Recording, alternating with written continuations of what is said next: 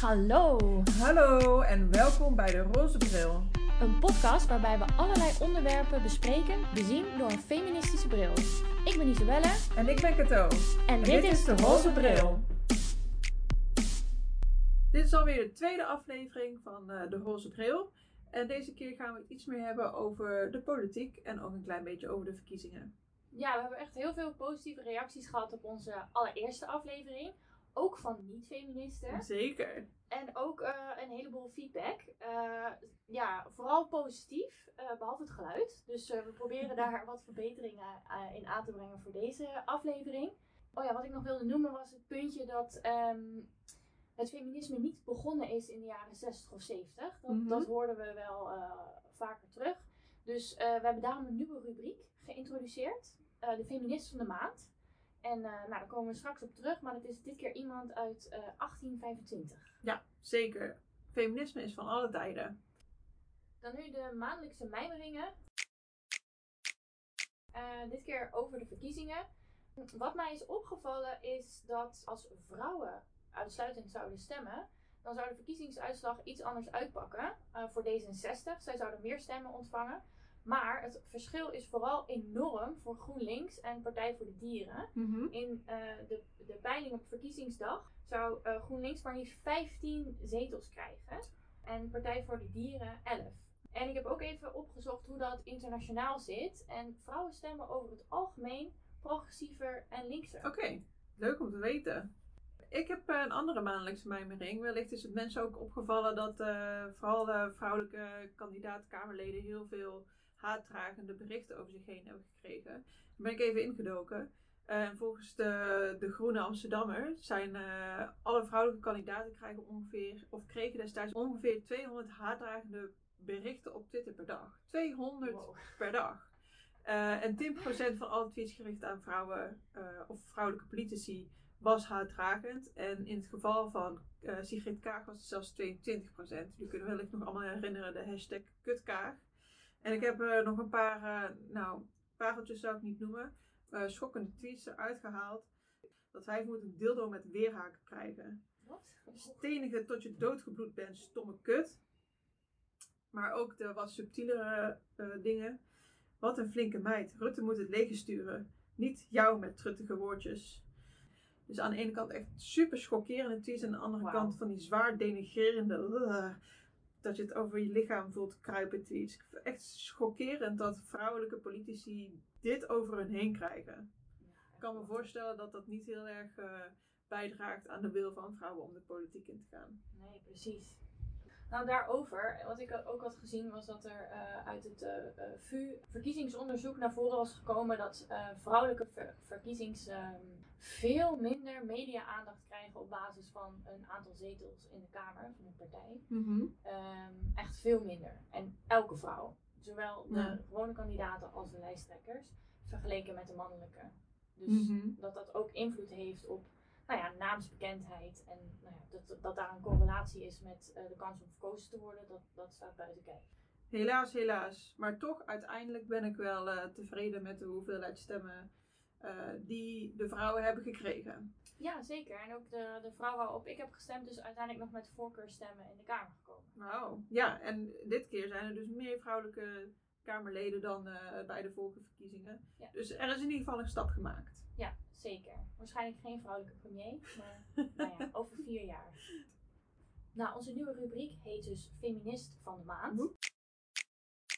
En dat is dit keer Antoinette Brown Blackwell. Ze is al heel lang dood, want ze is geboren in 1825. Ehm, en we hebben haar gekozen omdat zij eh, in een boek heel erg ageerde tegen Darwin's eh, Origin of Species, waarin hij behoorlijk seksistisch uiteenzette hoe vooral mannen ehm, superieur zijn aan vrouwen vanwege natuurlijke selectie en eigenlijk beter zijn in alles dan vrouwen. En ehm, zij heeft niet alleen eh, deelgenomen aan het allereerste vrouwencongres in de Verenigde Staten. Ze is ook de eerste protestantse dominee die een vrouw is in de Wow. Verenigde Staten. En ze heeft dus een heel boek gewijd aan het onderuit halen van Darwin's argumenten. en niet alleen om aan te geven van, nou ja, dat is eh, moreel onwenselijk. Maar ze heeft echt eh, aangetoond dat het onwenselijk wetenschappelijk is. Wauw. Terwijl ze eigenlijk eh, van, ja, van huis uit theologe is en geen Mhm. ehm, nou ja, bioloog. En nou ja, dat is wel het vermelden waard. Zeker. Wat een goede feminist. En dan is het nu tijd voor, de in- voor het interview met Sharona en Lieke. We gaan dit interview gaat over onder andere eh, politieke meningsverschillen tussen eh, links en rechts op het gebied van feminisme.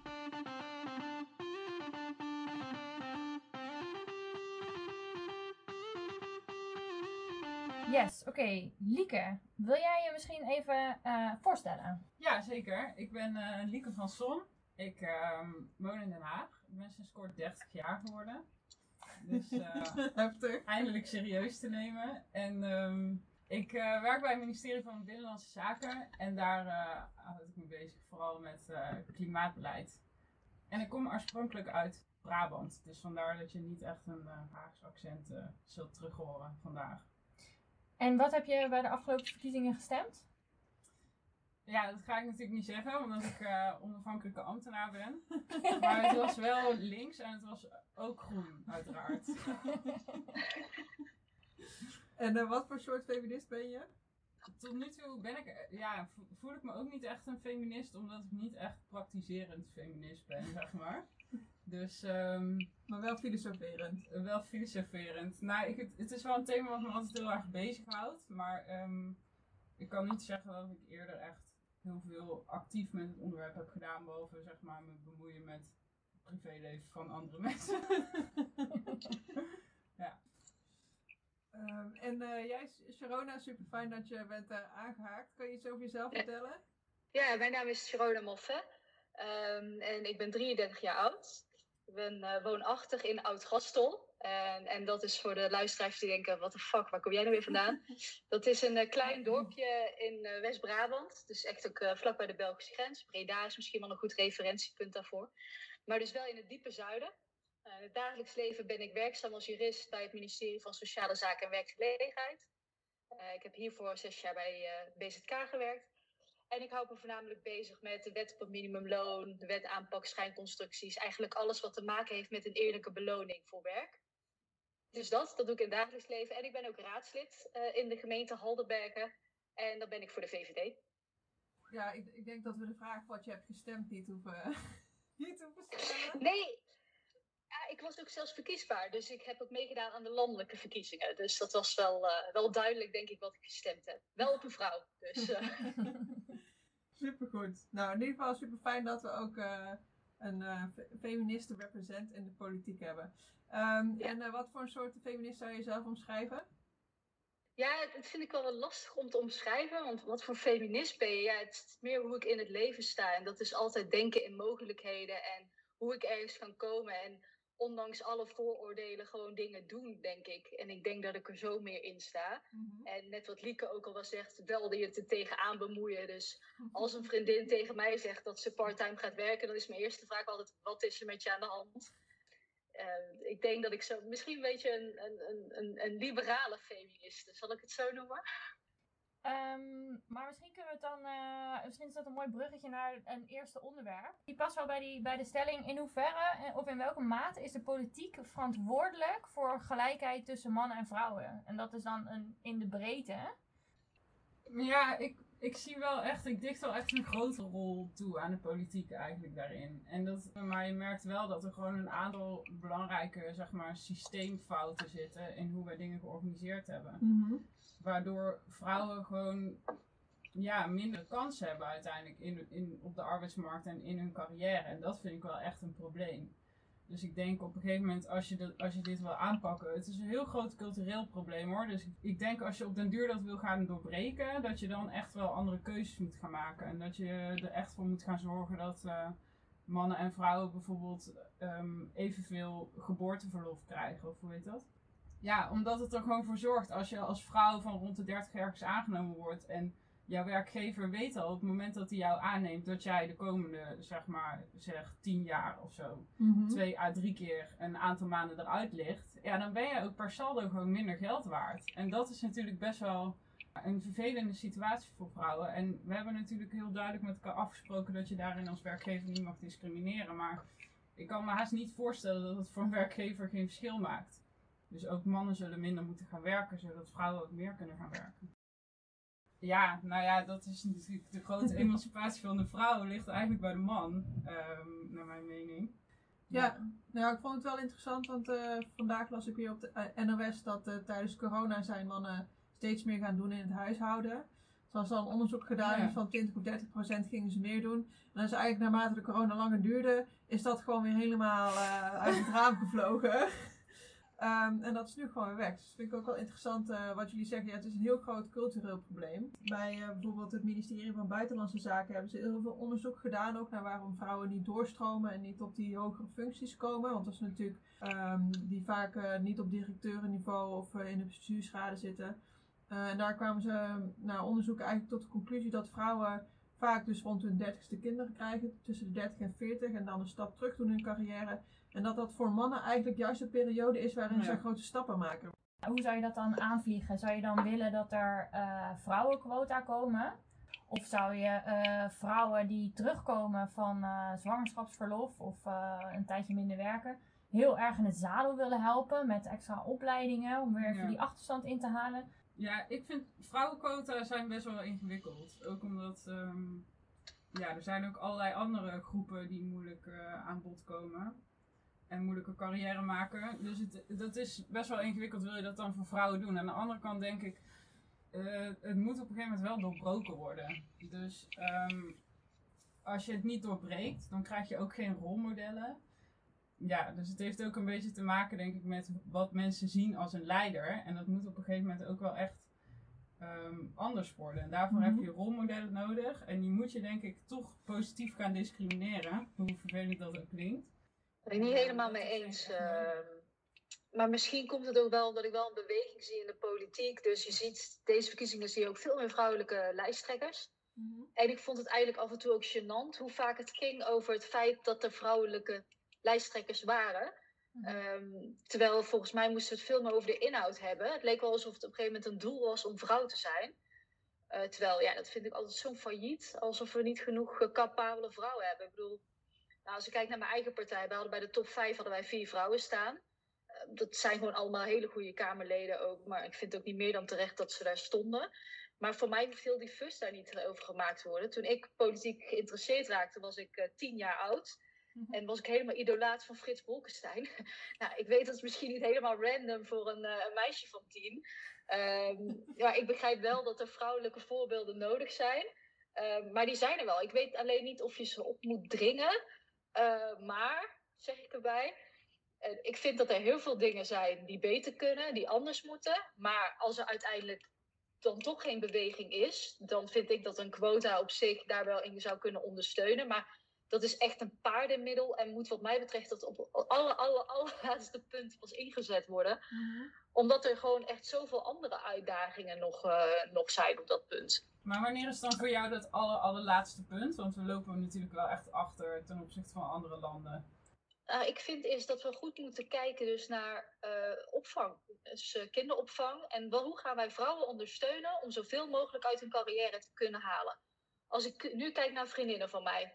Die zeggen tegen mij, hè, niet iedereen heeft uh, universiteit gedaan, heeft een leuke baan eh, wat dat betreft qua salaris.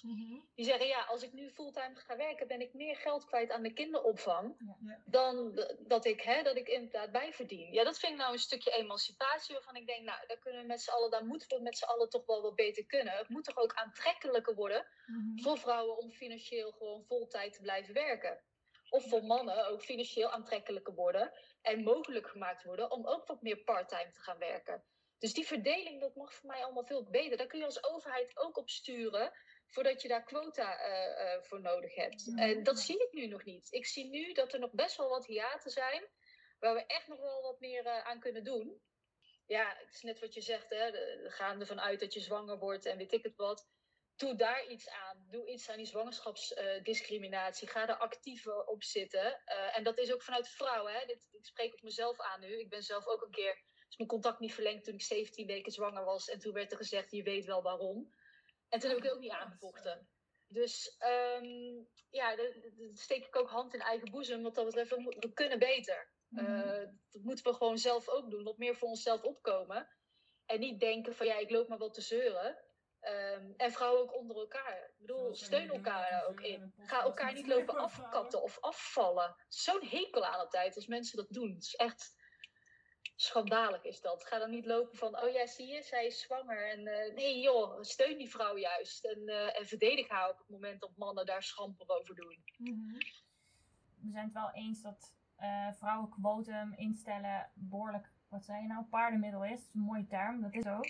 Ja. Maar ik denk dan juist, misschien moeten we daarmee starten. Gewoon een harde klap.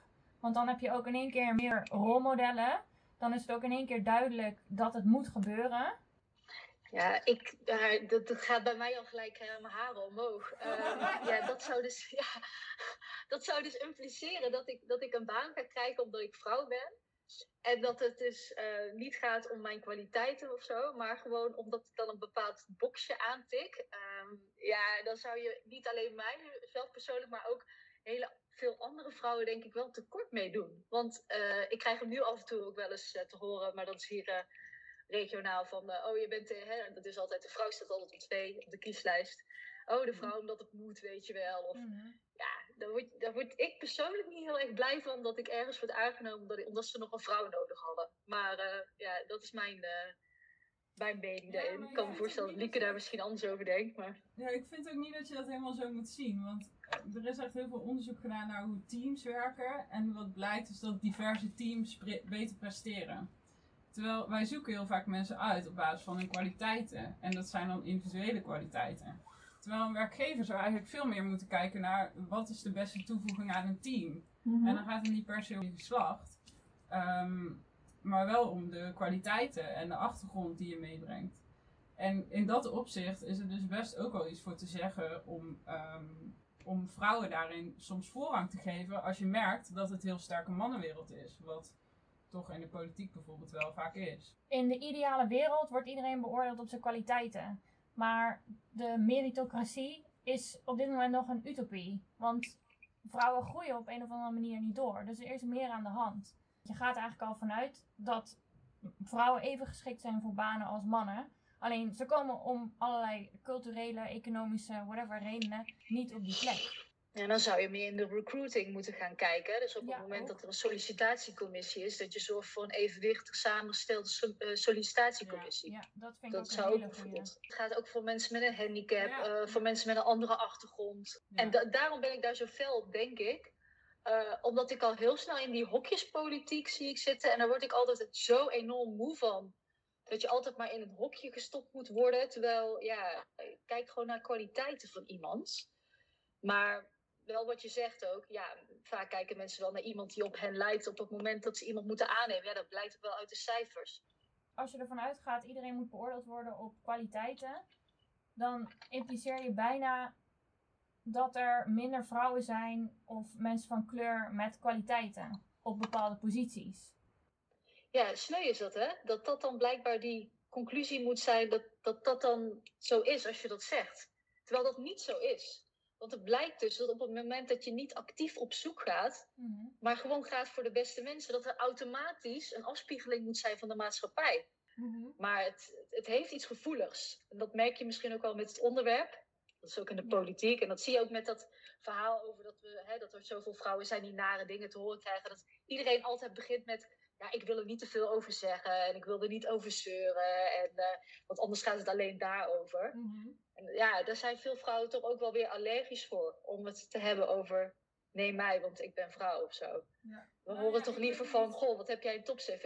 We willen jou. Ik weet niet of dat helemaal zo is of, of vrouwen dat niet delen omdat ze daar niet op aangesproken willen worden. Ik denk dat, dat als vrouwen daar iets over delen, en dat vind ik wel echt een probleem, ehm, dat ze weggezet worden als dat ze zielig zijn.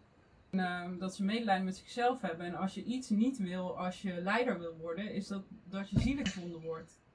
Ja, ook, het geeft misschien ook. ehm, eh, ze vinden het misschien een zwaktebod. Van hè, je bent aangenomen om, om hoe je bent en niet om, om wie. En, hè. en, en ze vinden misschien het fundament voor hun leiderschap dan iets te eh, fragiel. Ja. Eh, ik moet nu wel denken aan Nelly Kroes. Die was eerst helemaal anti-quota. En vervolgens is zij op basis van een quota is zij gewoon eh, in Europa natuurlijk werkzaam geworden als commissaris. En later heeft zij gezegd, weet je wat? Oké, die is haar quota gaan omarmen. Die zei dus van ja, ik ben daar dus gekomen door dat quota. Moet je eens kijken hoe ik het geflikt heb. Mhm. Hartstikke goed gedaan. Ik heb mijn quota geoond. Eh, dat vond ik wel heel stoer dat ze dat wel zei. Dat is wel een mooie, mooie manier om het positief in te kleuren. Want er is gewoon geen biologische reden waarom een vrouw iets minder goed zou kunnen dan een man. En die aandacht voor dat vrouw zijn, ja, daar moeten we uiteindelijk vanaf. En Ja. dan, dan ben je ook misschien de verschillen tussen groepen te veel aan het uitvergroten. Terwijl je wil daar juist vanaf. Maar ik denk nog steeds dat, dat, we, dat het heel lang kan gaan duren, gezien de recente geschiedenis, voordat we daar eindelijk zijn. Als we het niet een beetje dwingen. Nou, dan heb ik wel een vraag voor je eh, wat dat betreft. Want stel nou, je gaat dus over op die normen. Oké, zoveel vrouwen moeten er zijn. Maar zijn er ook zoveel vrouwen te vinden die dat willen? Ja. Denk jij? Want, want dat is het probleem wat we, wat we nu hebben. Hè? Dus ehm, gaan er ook veel vrouwen dat nastreven? Of gaat dat weer dezelfde pool met vrouwen worden? Ja, dat is een heel terecht punt. En daarom moet het ook hand in hand gaan met eh, die culturele verandering waar we het eerder over hadden. Dat is denk ik ook wel echt een, een cultureel ding, is dat in andere landen misschien zeg maar kinderopvang veel meer gezien wordt als onderdeel van de ontwikkeling van je kind. En dat het in Nederland toch meer gezien wordt als je voert je ouderlijke taak niet goed uit of zo. Maar hoe kan je dat nou in hemelsnaam eh, gaan draaien? Dat lijkt me zo, dat vind ik echt heel ingewikkeld. Ik weet dat ook ik denk ook kinderopvang aanbieden bij de werkplek. Ehm, ik, ik, ik zie ook vaak in het buitenland dat mensen gewoon naar kantoor gaan en de kinderopvang zit daar in kantoor. Dus dan kun je tussendoor gewoon nog even gaan checken. Of daar is het veel meer onderdeel gewoon van het dagelijks leven. En hier is het toch, net wat je zegt, je, je brengt je kind weg. En dan ben je een slechte moeder, tussen aanhalingstekens. Want waar neem je, en hier is ook het eh, devies, waar neem je kinderen voor als je niet bereid bent om ze zelf op te voeden. Of als je zoveel weggaat om te werken. Ehm, die hoor je ook regelmatig voorbij komen. Nou, ik heb zelf ook een zoontje van zes. Ja, ik heb ze allemaal wel voorbij horen komen. Hoor. Dus ehm, het is hier nog niet geaccepteerd wat dat betreft. Ik heb zelf eh, geen kinderen en ik heb ook eh, heel weinig beeld bij eh, een kinderopvang of iets dergelijks. Dus ik dacht, ik ga eens even opzoeken. Een groot aandeel van de vrouwen eigenlijk meer zouden gaan werken op het moment dat er gratis kinderopvang zou zijn. En dat bleek dus maar 4% van de vrouwen te zijn die parttime werken. En maar 1% van de niet-werkende vrouwen. En toen las ik de bron. En dat was eh, het SCP. En ik twijfelde heel even. Toen dacht ik, oh, is het SGP? Dan kan ik de cijfers bekijken. Maar het is echt het Sociaal Cultureel Planbureau die dit vorig jaar onderzocht, onderzocht heeft. Ja, maar Lieke, ik, elke vraag aan jou. hè. Ik heb gezien 25% of zo van de vrouwen, of, of een heel groot percentage van de vrouwen, die werkt al eh, parttime voor hun 25ste. Dus dan is er nog geen kind of zo in beeld. Die gaan gewoon beginnen met werken, al gelijk op parttime. Leg me eens uit, want ik begrijp daar helemaal niets van. Begrijp jij daar iets van? Nou, helemaal niets wil ik niet zeggen. Want ik denk, ik denk dat, ehm, dat het ook heel erg het beeld is wat je van je omgeving meekrijgt. Dus dat gaat echt door van generatie op generatie. Maar hebben vrouwen dan misschien wellicht ook niet een te romantisch beeld van hun toekomstige of hun huidige relatie? Ik weet in, in Zweden. Eh, in Zweden eh, werken vrouwen veel meer omdat ze daar heel erg bezig zijn met hun pensioen en hun economische eh, afhankelijke- eh, onafhankelijkheid. En dus het wellicht überhaupt dat vrouwen hier in Nederland zich eigenlijk veel te weinig zorgen maken over Ja. hun economische Ja. positie in de maatschappij. Dat denk ik ook. 100%. Maar is het niet ook zo dat de overheid het financieel eh, aantrekkelijk maakt om eh, minder te werken? Doordat kinderopvang zo duur is, maar ook, ja, nou, dit heb ik niet opgezocht voor deze podcast, maar ik heb ooit een keer een artikel gelezen, geschreven door een Zweedse eh, vrouw, die zich helemaal verbaasde over Nederlandse deeltijdcultuur. En zij was op onderzoek uitgegaan en ze kwam er eigenlijk achter dat fiscaal gezien eh, het vaak ook, eh, omdat je ook als, als, eh, als stel eh, aangifte doet, eh, het voordeliger is om niet te werken of minder te werken. Veel meer dan in Zweden, waarbij je in principe altijd twee eh, fiscaal gescheiden Ja. eh, eenheden bent. Niet alleen intrekkelijker, maar ook informatiever. Ja, want ik denk dat heel veel vrouwen zich helemaal niet beseffen in wat voor situaties ze zich brengen als ze kinderen nemen en parttime gaan werken. Als je in gemeenschap van goederen getrouwd bent, dan, ja, dan is het samen erin, samen eruit, zeg maar. En dan eh, heb je als vrouw alsnog wel een achterstand die je oploopt, denk ik, in je carrière en dergelijke. Maar dan deel je in ieder geval 50-50 in het bezit. En ik vraag me af of vrouwen zich dat beseffen op het moment dat ze kinderen nemen en minder gaan werken. Dat ze, dat ze zichzelf volledig economisch afhankelijk maken van hun partner. En dat betekent niet alleen iets voor het moment dat je uit elkaar gaat, maar ook, ook voor je relatie op het Mhm. moment dat je erin zit. Ja, ik ben het wel met je eens. Want ik zie ehm, ook gewoon in, ja, ja, hoe kun je dat het beste zeggen? Ik zie wel vrouwen in hele dikke huizen wonen met wat kinderen en gewoon een hele hoge niveau hebben van leven, zal ik maar Mhm. zeggen. Maar die zelf gewoon maar één of twee dagen, dagen in de week werken. En dan denk ik, wat doe je jezelf aan? Ja. Want op het moment dat die bubbel dus doorgeklapt wordt, dan, dan heb je gewoon helemaal niks meer. Hè? Dan zit je gewoon ergens, gewoon letterlijk ergens, eh, weet ik het, in een, in een piepklein huurwoningje Ja. ergens de eindjes aan elkaar te knopen, dan val je wel heel hard. En dan maak ik me ook zorgen over op het moment dat jij in een relatie zit waarbij er sprake is van mishandeling of gewoon iets anders. Ja. Dat jij ook niet makkelijk weggaat, omdat je die afhankelijke positie hebt. Ja, daar maak ik me wel zorgen om. Mhm. En ook heel veel vrouwen die uiteindelijk in de armoede belanden als ze alleenstaande moeder eh, eh, uiteindelijk worden. Maar wat is het standpunt van de VVD in het algemeen over kinderopvang eigenlijk? Eh, dat er sprake moet zijn van een betaalbare kinderopvang. Dus dat is wat de VVD daarvan vindt. Zelf zou ik eh, niet, hap- eh, niet treurig zijn om te zeggen, nou we maken hem gewoon redelijk eh, gratis. maar dat is mijn persoonlijke mening. Omdat ik gewoon, ja, ik vind gewoon dat, eh, dat er niets in de weg moet staan om jezelf in je eigen levensvoorziening te kunnen. Ja, dat, dat vind ik gewoon super belangrijk. En waarom, waarom is de VVD tegen, of in, in principe tegen het helemaal gratis? Het argument is dat op het moment dat je natuurlijk ook werkt, dat je ook weer kunt bijdragen aan. Hè? Dus Ja. dat, is ook, dat zie je ook met het studeren natuurlijk. Dus dat je zelf natuurlijk er ook wel iets voor moet doen. eh, om dat voor elkaar te kunnen krijgen en je bijdrage moet doen. Nou, je ziet al wel vaak dat dat wel redelijk met, ik durf het eigenlijk niet echt hardop meer te zeggen, maar dat dat met toes- toeslagen wel eens gecompenseerd wordt. Maar ehm, ja, D- dus dat is natuurlijk wel. Kijk, op het moment dat jij gaat werken, dan kun je ook bijdragen aan de kinderopvang. En ja, dat, het feit dat je kinderen neemt, is natuurlijk ook je eigen verantwoordelijkheid. Hè? Dus eh, het is Mhm. niet zo dat jij on, ongerept kinderen kan krijgen en daar gewoon vanuit de overheid ook heel veel steun voor kunt krijgen. Dat is ook een stukje eigen verantwoordelijkheid die je daarin hebt. En ook de mensen die geen kinderen hebben. Ja, die betalen. Uiteindelijk moet het toch betaald worden. Maar die, die kinderen die betalen ook straks voor de pensioen van de mensen die geen kinderen hebben. Ja, maar ik weet niet hoe dat uiteindelijk per saldo uitpakt. dat zou dus moeten uitrekenen. Eh Lieke, eh, Ja. wat vind jij de toegevoegde waarde van een vrouwelijke premier? Moet dat een principe kwestie zijn? Ja, kijk, wat vind ik van een vrouwelijke premier? Er moet gewoon een vrouwelijke premier komen de komende tien jaar. Aangezien Rutte het heel goed doet eh, op dit moment en de VVD, stel ik voor dat Sharona dan de eerste vrouwelijke premier wordt. Ik heb zelfs overwogen toen ik ehm, eh, afgelopen verkiezingen ging stemmen om toch op een vrouwelijke lijsttrekker te stemmen. Ook al is het niet per se de partij van mijn voorkeur.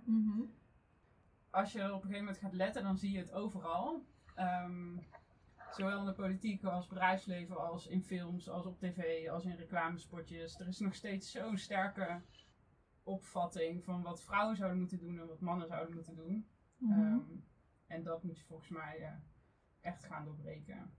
En jij, Sharona?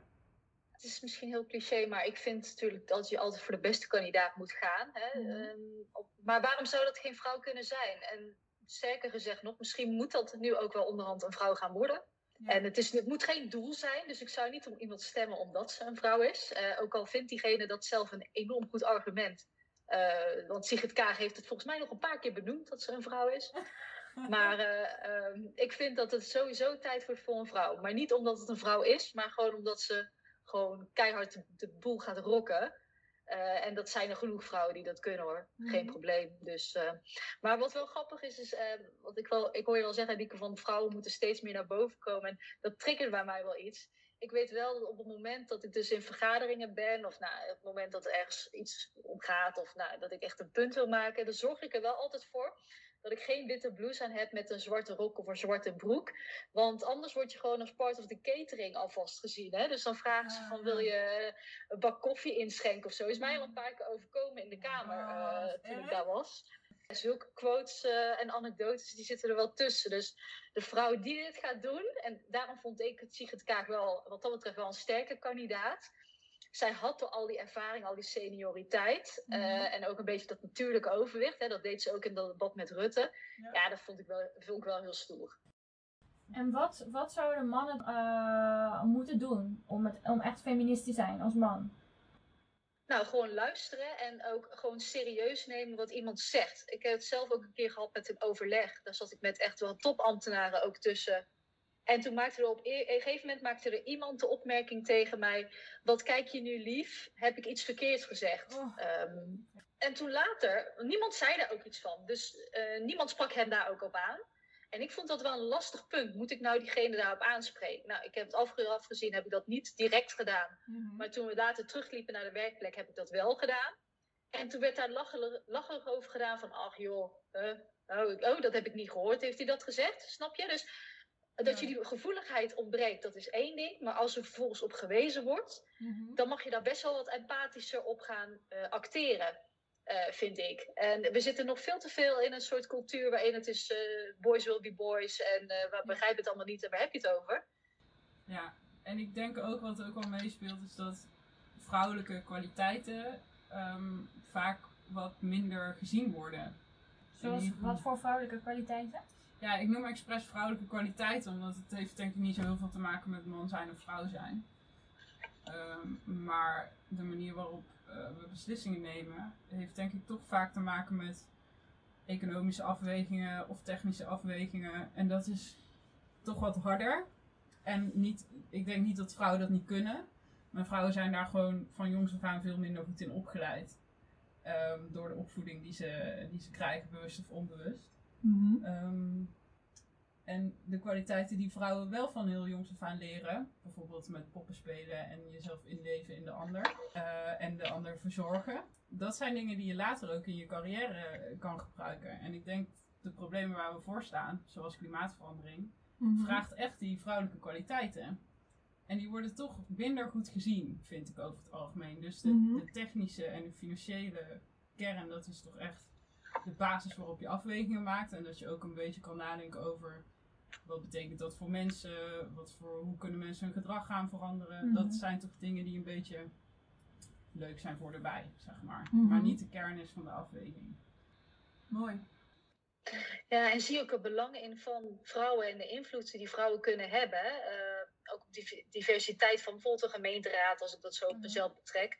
Eh, dat zie ik in de politiek. Ik heb er ook een boek over gelezen, De Zijkant van de Macht, van Julia Wouters. Dat is voormalig PA van Ascher. Is echt een aanrader ook. Dat vertelt ze heel goed. En eh, ze interviewt ook allerlei vrouwen die in de politiek hebben gezeten eigenlijk.